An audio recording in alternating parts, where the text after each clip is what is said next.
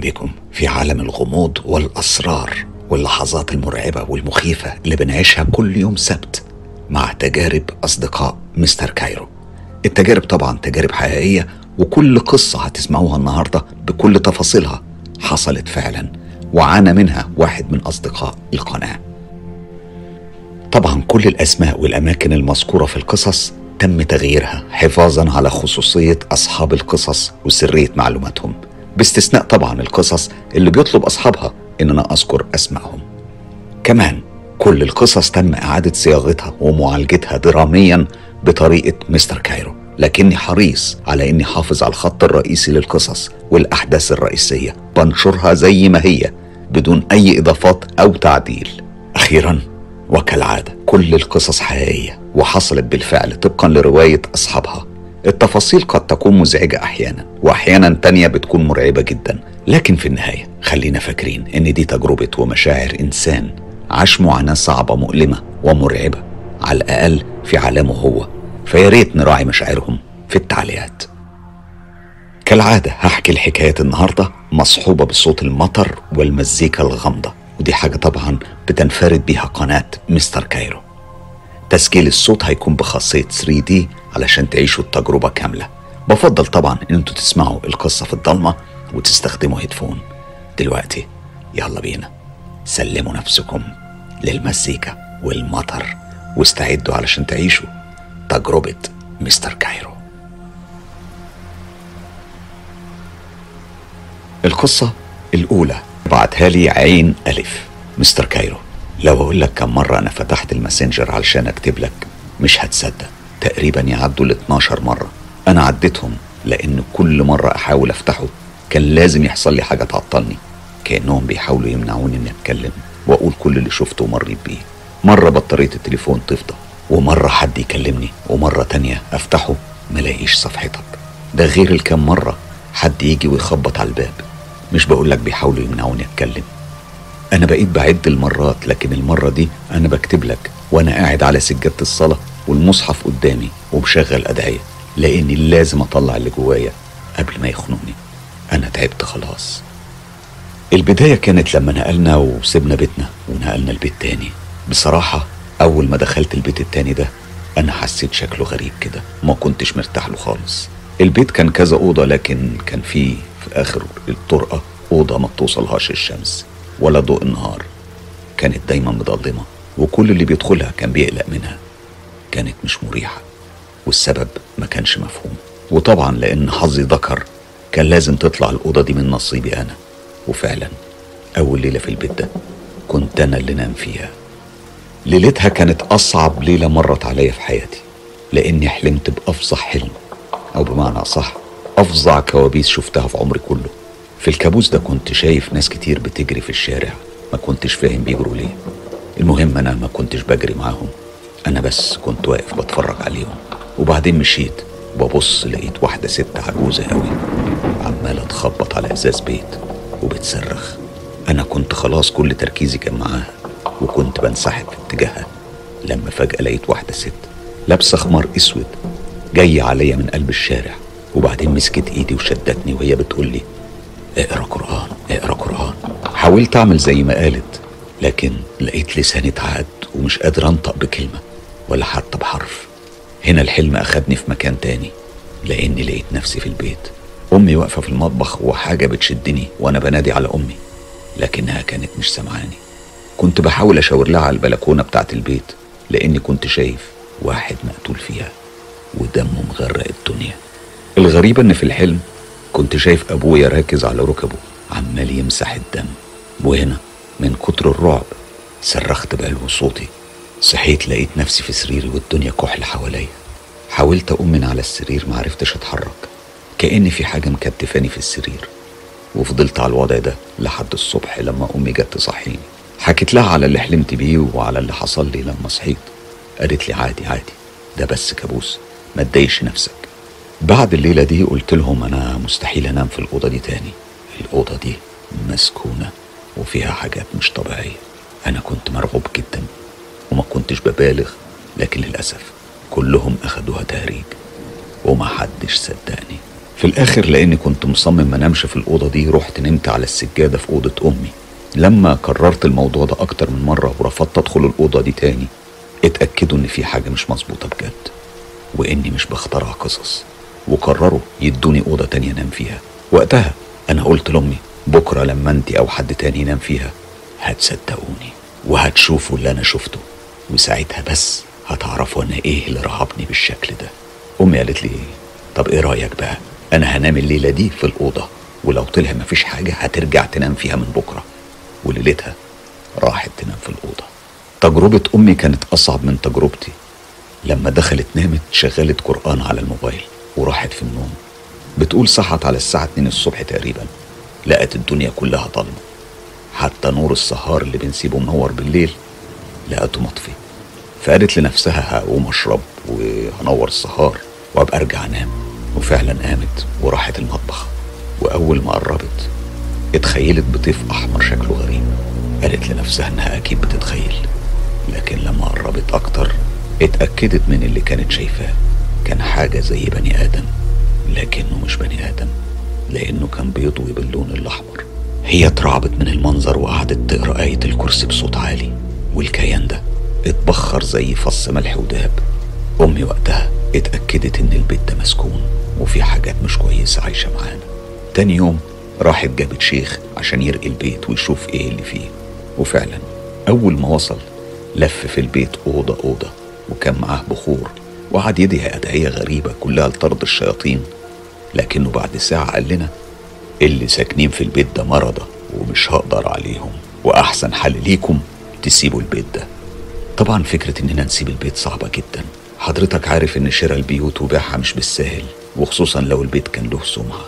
أمي قالت ما عفريت إلا بني آدم. وقعدت تقنعنا إن اللي هي شافته واللي أنا شفته كله خيالات وكوابيس وإننا لازم نكمل سكن في البيت. أنا ما كنتش مقتنع بكلامها وكنت عارف إن النتيجة هتكون خطيرة. وفعلا. وبالرغم من إني نمت في أوضة تانية إلا إن الحضور كان ظاهر فيها هي كمان. في ليلة وأنا نايم هناك حسيت إن في حد في الأوضة. حاولت أقوم لكن لقيت حاجة مثبتة راسي على المخدة. ما كنتش عارف أحركها. فضلت أحاول تقريبا نص دقيقة بدون أي فايدة. وفجأة الشيء اللي كان مثبتني سابني. ومتأكد إني سمعت صوت واحدة بتضحك. أنا اترعبت ما كنتش فاهم. طب إيه المطلوب؟ أخلص إزاي من الحاجات دي؟ المواضيع كده بقت مش مريحة ابدا. وكرهي للبيت زاد بشكل مش طبيعي. في الأول أنا قعدت أقول لنفسي ماما عندها حق ده أكيد كابوس أو حلم بس في قرارة نفسي. كنت عارف إنه مش حلم ولا كابوس. لا ده كان حقيقي لأني حسيت بإيديها على رأسي في الليلة دي. الموضوع اتطور بشكل مش طبيعي بعد كده. كل اللي كنت بحكيه لأهلي كانوا بيرفضوا حتى إنهم يناقشوه وكان ملهمش غير كلمة واحدة كوابيس. كنت بحلف لهم إنه مش كوابيس. كنت بصرخ في وشهم وأزعق وأقول هتصدقوني إمتى لما يحصل لي حاجة ولا لما حد فيكم يجرى له حاجة. لكن واضح إن كلهم كانوا رافضين الفكرة أو تقدر تقول كانوا عارفين إن مفيش حلول وإننا لبسنا البيت ولازم نتعايش معاه. أنا فعلا سكت وقررت ألعب لعبتهم وأتعايش مع سكان البيت من العمار وأمثل إن مفيش حاجة وإننا عايشين بشكل طبيعي. كنا بالظبط زي اللي بيخدع نفسه وهو عارف إنه عايش أكبر خدعة عاشها في حياته. لكن توقعي حصل واللي كنت خايف منه اتحقق بعد فترة بسيطة. كانت بتظهر لي بالليل وأنا نايم كنت بلاقيها جنبي على سريري. وطبعا مش محتاج أشرح إيه اللي كان بيحصل. شاب في سن المراهقة وقتها وهي كانت بتظهر بصورة مش هقدر أوصف لك جمالها. الموضوع كان بيحصل بشكل يومي كل ليلة بعدها. كنت بصحى مخنوق ومتضايق ومش طايق نفسي. أدخل أستحمى وأنزل أخرج. وأنا مش عايز أكلم حد. وأكلمهم ليه؟ وهم مش هيصدقوني مهما قلت. واتكلمت. عدى على الوضع ده أسابيع طويلة. خلالها قلب الأم اللي ما بيغلطش أبدا. حس بيا وباللي فيا. لقيت أمي بتسألني فيك إيه؟ ما قدرتش طبعا أحكي لها. وكتمت سري جوايا لكنها صممت تعرف. وفضلت أنا لاوع فيها لكنها في النهاية قررت تاخدني الشيخ يشوفني. أنا كنت رافض وبحاول أتهرب منها لكن في يوم رجعت البيت لقيت الشيخ هناك. وأول ما دخلت لقيتهم دخلوني معاه أوضة وسابوني أتكلم معاه. أنا قبل ما أفتح بقي وأتكلم كان هو سألني كم سؤال وفهم كل حاجة. الشيخ طلع وقال لهم إن عليا جن عاشق. طبعا هما ما صدقوش الحكاية دي وأنا مرضتش أتكلم. كنت خايف أحسن تأذيهم أو تأذيني. المهم فضل الحال على الوضع ده لفترة وكنت بدأت أتكلم معاها وعرفت منها إن اسمها ماريا. هي فهمتني إنها غير التانيين اللي موجودين في البيت وإنها بتحميني منهم. أنا خفت أكتر وأكتر منها فقررت أواجه أهلي وأحكي لهم وأحاول ألاقي حل لأن الموضوع كده دخل في منطقة مش حلوة. كنت حاسس إنها بتمهد علشان تسحبني لعالمهم. في يوم قعدت اتكلمت مع أمي وحكيت لها بالتفصيل على كل اللي حصل وبيحصل. أمي اتخطت واترعبت وافتكرت كلام الشيخ الأولاني اللي ما كانتش راضية تصدقه. وهنا قررت إنها توديني عند شيخ معالج روحاني معروف علشان يخرجني من الورطة دي. وبالفعل كان مشوار طويل من العلاج. أخد وقت طويل. رحلة كاملة من العذاب والوجع. مش هقدر أوصفه لك تعبت فيها جدا. لكنها اختفت بعدها وأنا قلت أخيرا ارتحت. بعد غياب ماريا بحوالي أسبوع أو عشرة أيام حصل اللي ما كنتش متوقعه ولا أتخيله. كان الوقت بالليل متأخر وقمت أدخل الحمام. وأنا بفتح الباب لقيت الباب مقفول بس النور كان مطفي يعني مفيش حد جوه.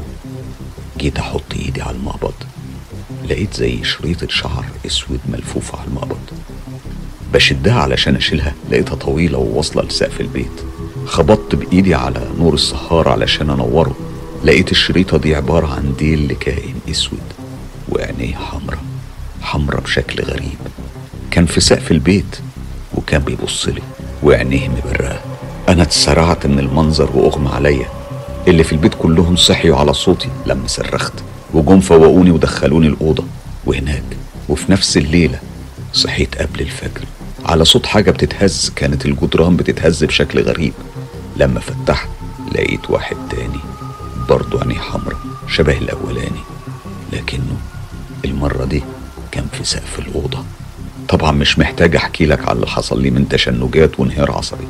وللمرة التانية أصح البيت كله. وجم جري عليا ويوميها إخواتي وأمي كلهم بيتوا معايا. تاني يوم أهلي ما ضيعوش وقت. الصبح كانوا جابوا عربية ميكروباص أجرة وأخدوني كلهم بربطة المعلم وطلعوا بيا وأخدوني على الشيخ اللي خلصني من ماريا. وهناك الشيخ طلب منهم يستنوا بره وبدأ يعمل طقوس غريبة.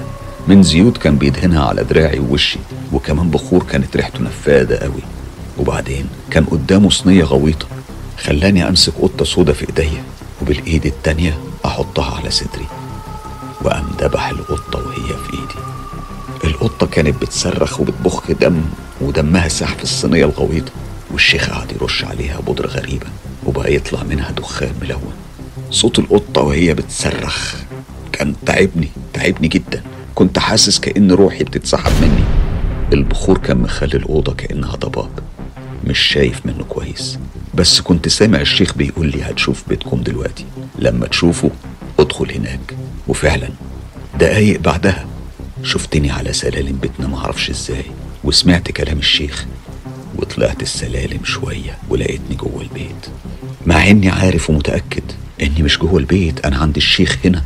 لكن الشيخ كان بيوجهني وبيقول لي أروح فين واعمل إيه. لما دخلت البيت طلب مني ألف جوة وأوصل للأوضة اياها اللي بدأت منها المشاكل كلها. ولما وصلت لها قال لي افتح الباب وادخل. فتحت الباب ودخلت.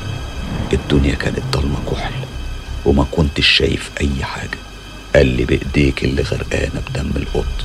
امسح على الجدران كل جدار ارسم عليه خط بإيدك. وبالفعل بدأت أنفذ. كنت كل ما ارسم خط على الجدار أحس كأن مكانه بيطلع زي طيف أحمر رهيب بينور الأوضة. لما خلصت الأربع جدران قال لي دلوقتي اتحرك على باب البيت وانزل. أنا اتحركت وفتحت الباب. ونزلت على السلالم. وأنا نازل لقيت الاتنين اللي كنت شفتهم قبل كده واحد تحت والتاني فوق. خفت أتحرك بس الشيخ قال لي ما تبصش عليهم انزل وعدي الشارع وادخل البيت اللي قصادكم. أنا طبعا كنت عارف البيت ده. ده كان بيت قديم مهجور من سنين طويلة لكني نفذت ودخلت. لقيت المدخل كله تراب وعنكبوت وكان في شقة في الدور الأرضي. دخلتها لأن بابها كانش مقفول. هنا الشيخ قال لي دب على الأرض برجليك جامد جدا. دبيت. قال لي دب كمان. دبيت تاني وتالت. وأنا بدب لقيت الأرض بتنزل بيا لتحت بشكل غريب. ركزت فيها لقيت رجلي لمست الأرض معرفش إزاي. حسيت كأني وقعت في بير. لما بصيت حواليا لقيتني في مكان زي ما يكون بدروم البيت. كان فيه تلات أوض. رحت أشوف الأوض فيها إيه؟ لقيت أوضة فيها آثار فرعونية وأوضة فيها دهب والأوضة التالتة كان فيها حاجات سودة غريبة بتلمع بس عاملة زي الحجارة. وهنا سمعت صوت الشيخ وهو بيقرأ قرآن وبيدعي أدعية لطرد الشياطين. لما فتحت عيني لقيتني لسه عنده في مكانه وهو حاطط إيديه فوق راسي وبيقرأ وبيرتل. جاي بحكي له على اللي شفته قال لي خلاص شفت كل حاجة. بص يا ابني انت عليك مش واحد ولا اتنين انت عليك كتير. أنتم بيتكم ده حصلت فيه جريمة قتل من فترة ولحظكم السيء وللصدف الغريبة إن البيت المهجور اللي قدامكم فيه آثار والآثار دي محمية بلعنة ولأن بيتكم كان مقفول سنين طويلة بعد حادثة القتل اللي حصلت فيه حراس اللعنة من الجن استوطنوا في بيتكم. بس خلاص اطمن أنا النهاردة خلصتك منهم لكن لازم تلاقوا حل في البيت ده لأن الموضوع ده ممكن يتكرر تاني. أسابيع عدت وفكرت إني خلاص خلصت من القصص دي لكنهم كانوا بيظهروا لي في الأحلام وبشكل متكرر. كان كان خلاص هيوصلني لحافة الجنون. أنا ما كنتش قادر أستحمل أكتر من كده. فقررت أنزل أروح البيت المهجور اللي قصادنا وأعمل زي ما الشيخ خلاني أعمل أول مرة. وبالفعل وصلت هناك. البيت كان فيه شباك في الدور الأرضي فتحت ونطيت جوه ولما دخلت فضلت أدب برجلي في الأرض مرات ورا مرات لكن بدون أي فايدة. ما حصلش اللي حصل زي يوم ما كنت عند الشيخ لكني سمعت صوت غريب زي زمجرة بصراحة أنا اترعبت وسبت البيت وطلعت جري على بيتنا. في الوقت ده ماما خدت بالها من عينيا كانت حمرة جدا كأني ما نمتش بقالي أسبوع. فسألتني إذا كان الموضوع القديم بيتكرر تاني. حلفت لها إن مفيش حاجة. دي بس أحلام. لكنها صممت تاخدني للشيخ تاني. لما رحت له قال لي أنت إيه حكايتك بقى؟ أنت إيه اللي وداك هناك؟ فشرحت له اللي كنت بحلم بيه وبشوفه. ومرة تانية أنا ما كنتش شايف حاجة. كنت حاسس زي اللي مخدر. الحاجة الوحيدة اللي لاحظتها قط أسود شبه القط اللي كنا ذبحناه أول مرة. كان بيلف في الأوضة. غير كده في اليوم ده أنا ما شفتش أي حاجة تانية خالص. في آخر الجلسة الشيخ قال لي ما حاولش أدخل البيت المهجور ده تاني أبدا. لما روحت كانت المفاجأة ببص على البلكونة لقيت قط أسود أخو اللي شفته عند الشيخ وأخو اللي كنا ذبحناه كان قاعد على سور البلكونة. القط ده فضل كل يوم يجي يقعد في البلكونة. أنا ما كنتش عارف ده إيه يا ترى خير ولا شر؟ بصراحة أنا ما كنتش فاهم. بس أمي قالت لي ما تقلقش فكانت كل يوم تمسح الشقة بمية بملح وبعد ما تخلص كانت بتاخد المية وترميها قدام البيت المهجور اللي كان قدامنا. واللي حصل بعد كده كان غريب ومش مفهوم ابدا. كنا دايما وقت الغداء آجي آكل أحس كأن في حد بيشاركني الأكل. آجي أنام أحس بحد جنبي على السرير. آجي أتحرك أحس بحد ماشي معايا. الموضوع بقى روتيني وكأن دي بقى بقت حياتي الجديدة. أمي كانت قلقانة جدا من الوضع الجديد ده. كنت كل ما أحكي لها تتلبش وتعيط وتتضايق خايفة عليا. وفي النهاية راحت تسأل الشيخ. الشيخ قال لها تطمن لأن كده واضح إني بقيت مخاويهم. ومفيش أي خوف عليا. ومن وقتها وبقيت بعرف حاجات قبل ما تحصل. وأي حاجة أقولها لهم في البيت إنها هتحصل كانت بتحصل فعلا. وكأني مكشوف عني الحجاب. لدرجة إن أختي كانت اتخطبت لواحد وأنا قلت لهم الخطوبة دي مش هتكمل. وفعلا بعدها بأسبوع كانت الخطوبة اتفشكلت. مرة تانية مرات عمي قالت تجرب حظها معايا. فقالت لي اقرأ الفنجان. قريته لها. وبعد أسبوع كل اللي قلته لها حصل بالحرف الواحد. بعدها بقت بتخاف مني. أنا عارف يا أستاذ حسام إن قصتي صعب قوي تخيلها. لكن اللي أنا حكيته لك ده هو اختصار الاختصار اللي أنا شفته أكتر بكتير من اللي أنا حكيته. بس والله العظيم كل حرف حكيته حصل وبالتفصيل اللي حكيته لك. وكل القريبين مني عارفين حكايتي ووضعي وللأسف بقوا بيخافوا مني. أنا بس بحلم أرجع طبيعي. وأعيش حياتي زي الناس الطبيعية. عايز أكون مصدر راحة للناس مش مصدر خوف. عايز أنام بالليل من غير قلق ولا خوف. عايز أعيش إنسان وبس. ادعوا لي يا جماعة. بشكر عين ألف على القصة اللي بعتها لنا وطبعا كل الدعوات من قلوبنا علشانك.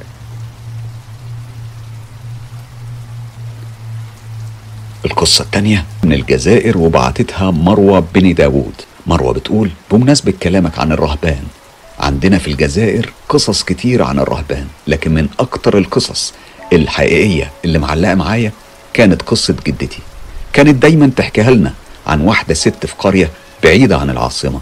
كانت في السوق بتتسوق وبعد ما خلصت وكانت مروحة قابلت راجل غريب شوية وقصير. لقيته بيقول لها أرجوكي مراتي بتولد ومش لاقي داية تولدها. أرجوكي ساعديني. الست قالت له ماشي هاجي معاك وهساعدها ما تقلقش. طبعا زمان كانت الناس بتدي الأمان لبعضها فهي لما راحت معاه لاحظت إنه بيمشي بخطوات سريعة مش متناسبة مع أسره وحجمه لكنها قالت أكيد قلقانة على مراته.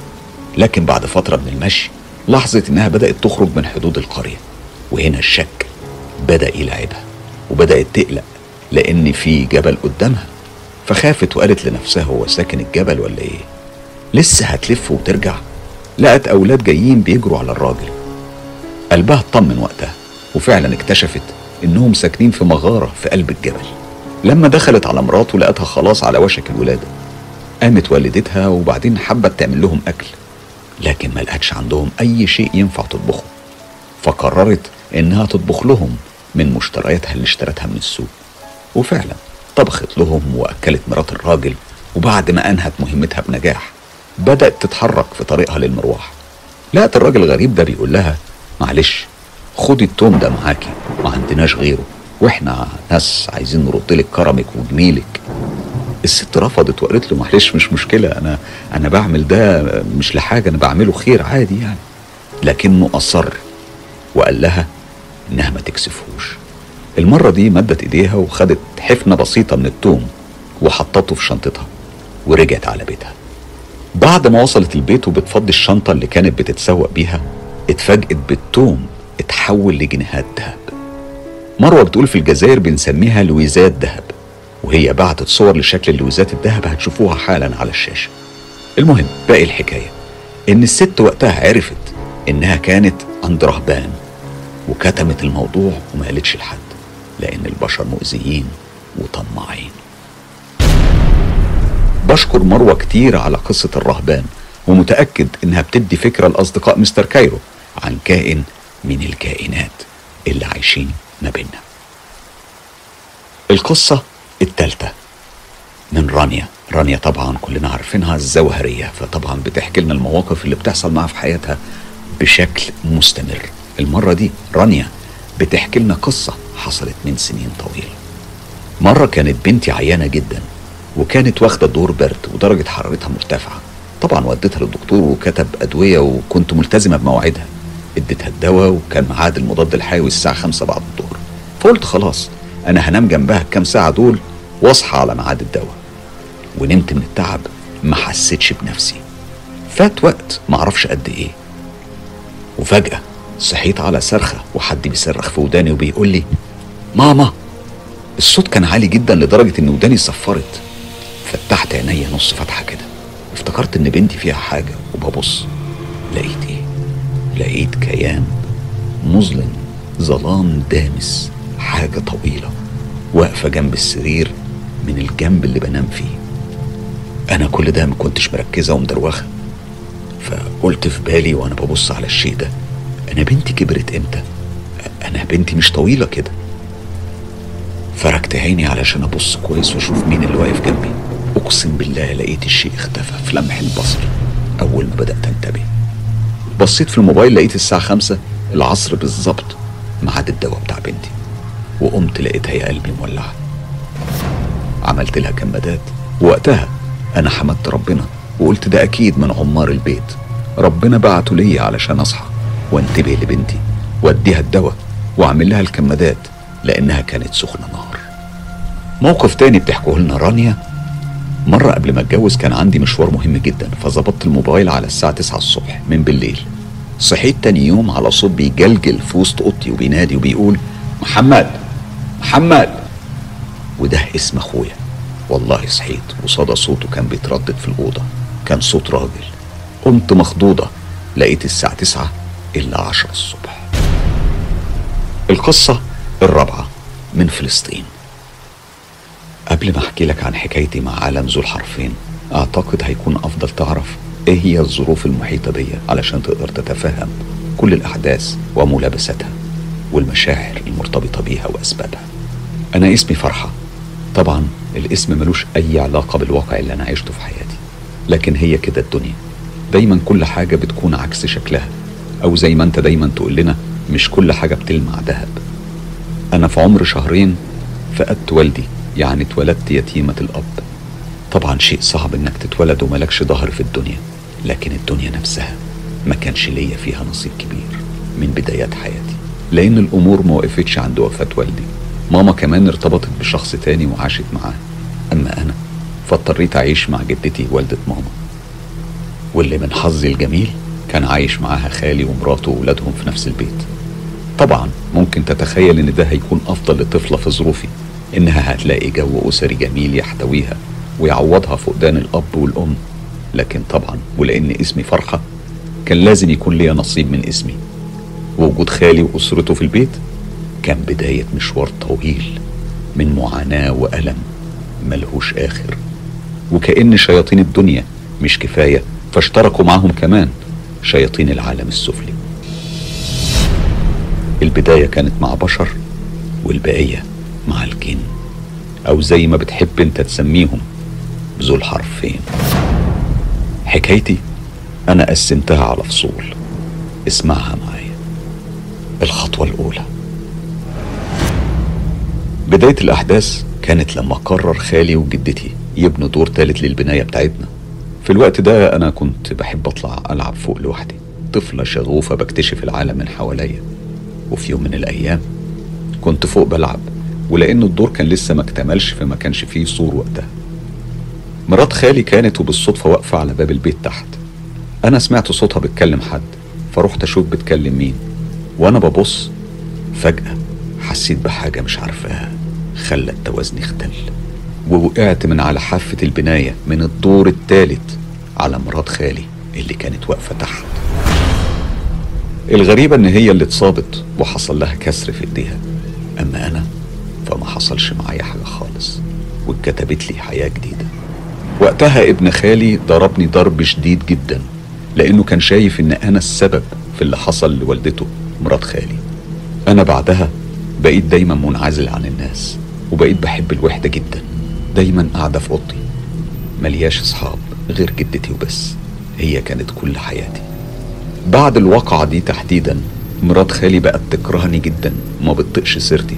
وخصوصا إن كان عندها بنتين من نفس سني. لكني كنت أجمل منهم بكتير وده كان دايما بيخليها تقارن بيني وبين ولادها وده زود النار اللي في قلبها ضدي.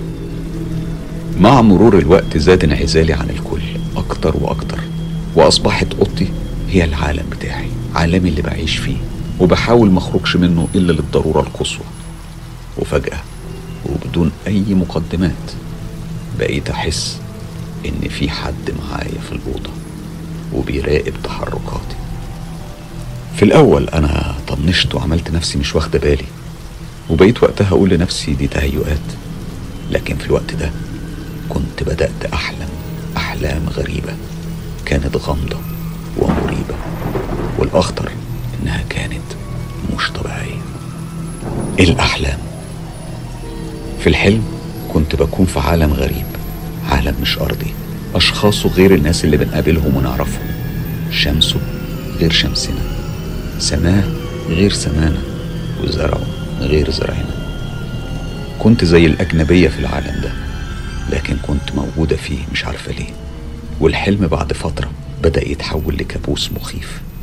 لأن في الحلم ده كنت بكون بحاول أهرب من شخص معرفهوش أو كيان في شكل شخص غريب لكنه كان بيلحقني. وبيغتصبني كنت بقوم من النوم مصدومة تفاصيل الحلم مسيطرة على خيالي والتفاصيل كانت بتبقى واقعية أكتر من الأحلام العادية. كل مشاعر الخوف والرعب والاستسلام للاغتصاب بكل قسوته كنت بحسها بشكل مخيف بكل أحاسيسها المؤذية. وبعد ما بقوم من السرير كنت بلاقي نفسي تعبانة جدا كأني عملت مجهود مش طبيعي وصداع رهيب. كان بيضرب في دماغي. وقتها كنت لسه صغيرة والوضع ده كان جديد عليا ومش عارفة أتعامل معاه فحكيت لجدتي على أمل إنها تساعدني لأنها كانت صديقتي الوحيدة في الدنيا.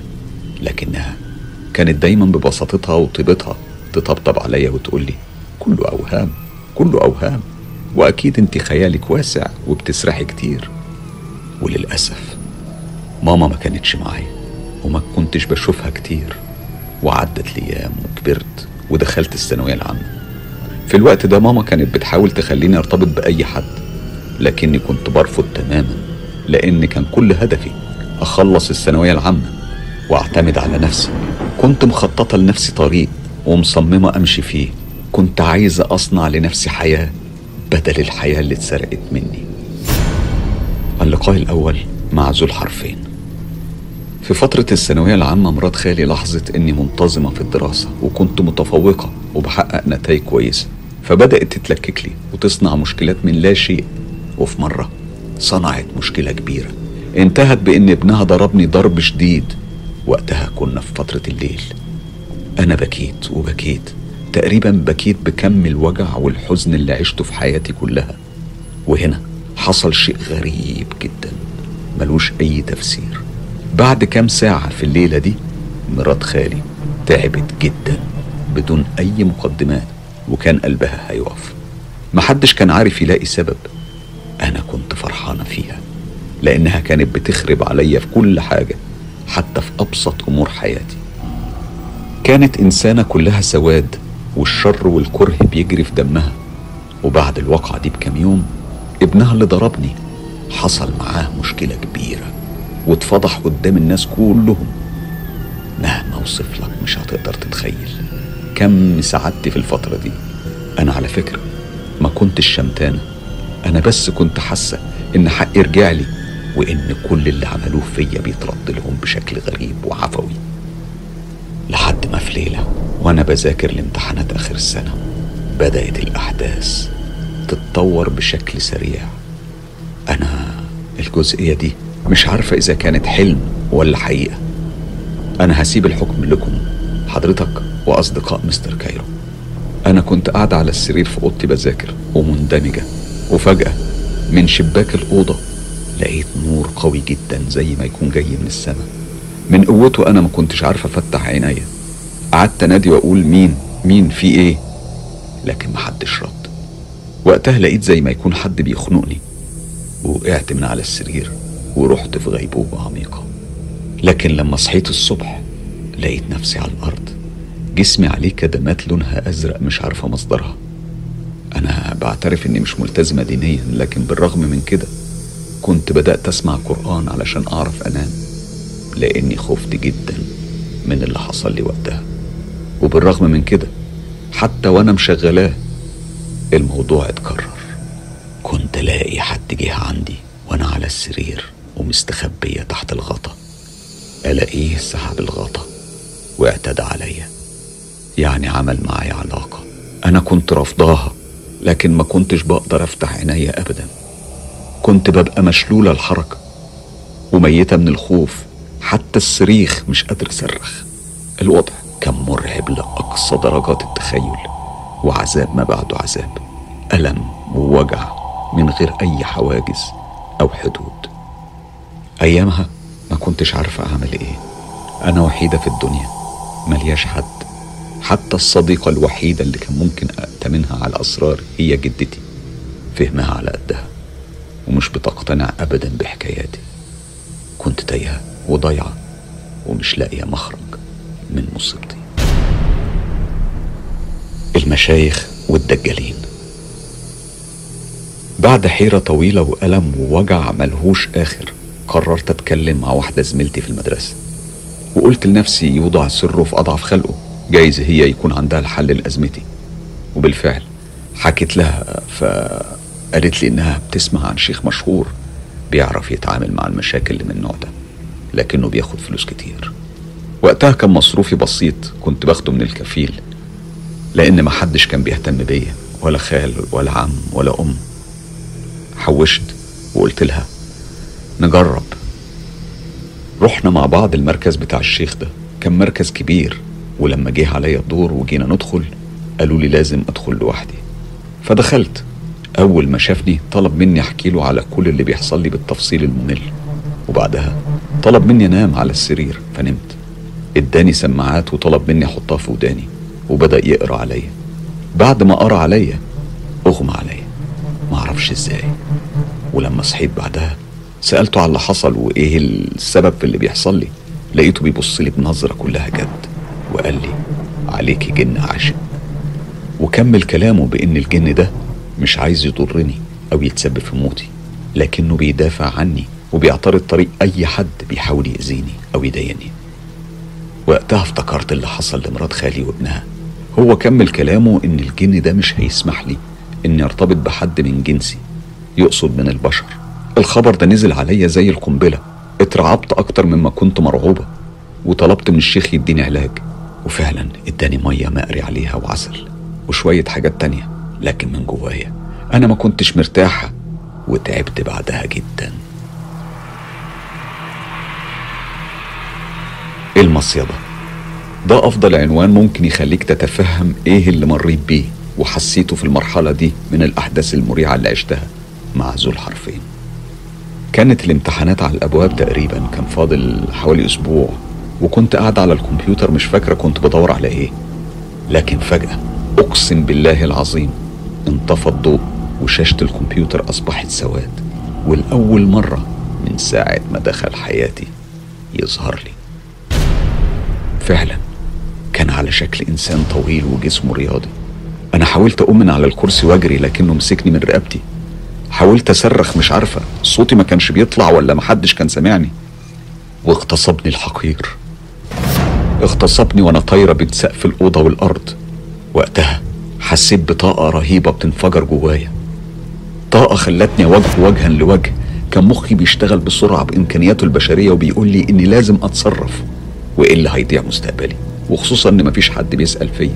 لا أب ولا أم ولا أخ ولا أخت. بصيت له. ووشي كان في وشه مباشرة. طبعا ما خدش اللي كان عايزه. فمسكني من إيدي بكل قوة لدرجة إني حسيت إن إيدي هتتخلع من مكانها. لكن أخيرا لساني نطق وقلت له أنت مش بشر. مستحيل تكون بشر. ابعد عني أنت جن أنت إبليس. وبدأت أقرأ سورة الكرسي. وأول مرة والله ينطق لساني من أيام لما بدأت حكايتي معاه وأنا عمري 12 سنة. لما صوتي بدأ يعلى بالقرآن لقيته بعد عني وبدأ يصرخ في وشي وهو بيقول لي اخرسي لحسن هأذيكي لكني كملت قراية قرآن لحد ما فجأة تلاشى واختفى وأنا وقعت في مكاني بلملم في شتات نفسي المبعثرة وجع. بعد الواقعة المريعة دي أنا كلمت أمي وحكيت لها على اللي حصل واللي كان بيحصل وإني ما بدوقش طعم النوم أبدا وقلت لها لازم تشوفي لي حل. لأن دايما الحكاية دي بتتكرر. أنا معرفش إذا كانت كابوس ولا بتحصل بجد لكن اللي أنا متأكدة منه إني بصحى من النوم ألاقي جسمي مكسر وفيه جروح وخرابيش. تخيل إيه كان رد أمي. طنشتني وتجاهلتني. قلت لنفسي وقتها خلاص كده ماليش غير ربنا. وبدأت أصنع لنفسي روتين حياة جديد. كنت أقعد أقرأ قرآن بس كنت بتعب جدا وبدوخ وفضلت على الحال ده لفترة. مسحورة. في الأمثال العربية بيقولوا المصايب لما بتيجي بتيجي متجمعة وفعلا ده هو السيناريو اللي كنت عايشاه. فبالرغم من كل اللي كان بيحصل لي كمان كان لازم تتفتح لي جبهة جديدة في معركتي مع الحياة. كان عندنا جارة في البيت اللي جنبنا بنتها كانت بتروح معايا المدرسة ومع ذلك كنت بكرهها جدا لأنها كانت دجالة. بعد ما خلصت الامتحانات وكنت مستنية النتيجة حصل موقف غريب وبحلف لك والله والله الساعة كانت تلاتة بالليل قرب الفجر. سمعت صوت غريب قريب من شباك أوضتي فاتسحبت عشان أشوف إيه الصوت ده. لقيت الدجالة دي ورا شباكي بتحرق ورق هي وابنها. أنا شفتهم بوضوح بس خفت أكشف نفسي ليهم وقفلت الشباك. ومن وقتها حالتي اتدهورت أكتر وأكتر. افتكرت وقتها كلام الشيخ وهو بيقول لي إن الجن شايف إنه أولى بيا. لأنه أنقذني يوم لما وقعت من سطح البيت وأنا بلعب زي ما حكيت لك في أول القصة. ورأي الجن اني إزاي اتجوز بشر إنسان عادي بعد ما هو أنقذني. أنا طبعا شايفه إنه كذاب وحقير لأن غالبا هو اللي وقعني من فوق السطح يومها علشان ينسب الفضل لنفسه. ودلوقتي مصيبة تانية. جارتي الدجالة اللي بتسحر لي كل يوم سبت. طيب أشكي لمين؟ وأنا ماليش ظهر أتسند عليه. الخلاص. مرت الأيام والشهور ودخلت الجامعة وهناك اتعرفت على شاب حبني جدا. وقتها قلت لنفسي أخيرا جالي الفرج وهخلص من مرات خالي ومن الدجالة ومن الكيان اللي كان مدمر لي حياتي وهبدأ حياة جديدة. زميلي فعلا اتقدم لي واتفقنا على ميعاد علشان يجي يطلبني من أهلي. لكنه لما وصل البيت وكان قاعد بيتكلم معاهم دخلت علشان أسلم عليه وعلى أهله. فجأة لقيته قام من مكانه واخد أسرته وخرج. أنا ما كنتش عارفة إيه اللي بيحصل. فصممت أكلمه وأفهم. لقيته بيقول لي إن هو نفسه مش فاهم. كل اللي حسه إن هو مخنوق جدا وما كانش شايفني أصلا. طبعا فركشنا الخطوبة ونفسيتي اتدمرت جدا وقلت لنفسي شكلي هعنس في البيت. العالم كله بيكرهني. مفيش غير جدتي في الدنيا. ولو هي عايشة النهارده بكرة هتموت. طبعا كل الأسباب دي خلت عزيمتي على الاجتهاد والنجاح أكتر من أي وقت فات في عمري. وأنا في آخر سنة اتعرفت على صديقة جديدة وحكيت لها على كل حكاياتي فقالت لي ولا يهمك أنا أعرف واحد بيتعامل مع الجن لكن عن علم وإنه دارس فلك ومش بس كده ده كمان ملياردير فمش محتاج فلوس. وفعلا رتبت لي ميعاد ورحت قابلت الشخص ده وكالعادة حكيت له حكايتي كلها. لقيته بيقول لي خلاص اعتبري حياتك رجعت لك وكل ده هينتهي من اللحظة دي وهتبدأي حياة جديدة الناس هتحبك الجن هيختفي من حياتك وهتعيشي أحلى أيام العمر بس كل شيء وله تمن. أنا قلت له كام؟ قال لي لا مش فلوس أنا عايز حاجة تانية. طبعا فهمتها من بصاته ليا كان عايز علاقة. أنا سبته ومشيت وكل غضب وقطعت علاقتي بالصديقة اللي عرفتني بيه. بعدها السنين عدت واتخرجت واتوظفت والحال بيزيد صعوبة. وبعدها علشان تكتمل الصورة القاتمة اتوفت جدتي. المواجهة. بعد وفاة جدتي قلت لنفسي وأنا ليا مين أبقى عليه. قدمت على منحة في جامعة فرانكفورت في ألمانيا واتقبلت المنحة وسافرت هناك. لما سافرت تخيلت إن الكابوس هينتهي وإن حياتي هتتغير. لكن الوضع كان مستمر. حاولت ألجأ لصديق مصري والصديق ده عرفني بشيخ والشيخ على التليفون. قعد يقرأ عليا. مرتين كل ما يقرأ عليا يغمى عليا. في النهاية وفي ليلة قعدت مع نفسي وعملت مواجهة. وقلت أنت هتفضلي في موقف المدافع لحد إمتى؟ هتفضلي الفريسة لحد إمتى؟ خلاص اللي كان باقيلك في الدنيا راح من النهارده. لازم تتحولي لإنسانة جديدة. كلك إصرار وتحدي وقدرة. مفيش قوة في الكون تقدر تهزم النفس البشرية. وبالفعل ليلتها طلعت المصحف وبدأت أقرأ وأقاوم كل المشاعر السلبية اللي كانت بتجرني لورا. في البداية مت بدل المرة ألف مرة لكني فضلت أداوم على الأذكار بقراءة القرآن والتزمت جدا بمواعيد الصلاة. وفتحت قلبي لربي. ووجهت له كل دعائي واستغاثتي. له هو لوحده. تدريجيا بدأت أستعيد قدرتي وإنسانيتي. ربي سبحانه وتعالى ملأ حياتي بالنور. حالي اتغير. عالمي كله اتحول من اللون الأسود القاتم للون الأبيض الناصع. الحمد لله سبحانه وتعالى. كمان لقيت نصيبي وأموري بتتحسن. صحيح أحيانا الزفت بيحاول يظهر لي لكن خلاص لعبة زمان دي انتهت. أنا معايا رب الكون كله. قصتي دي أنا بهديها لكل مأزوم وكل مأزومة وكل يائس وكل يائسة. مهما كانت الصعاب لكن لازم يجي يوم وتنتهي. خلوا علاقتكم برب الكون زي علاقتكم بالنفس اللي بتتنفسوه وبنصح كل البنات تحديدا ابعدوا عن الدجالين والمشايخ.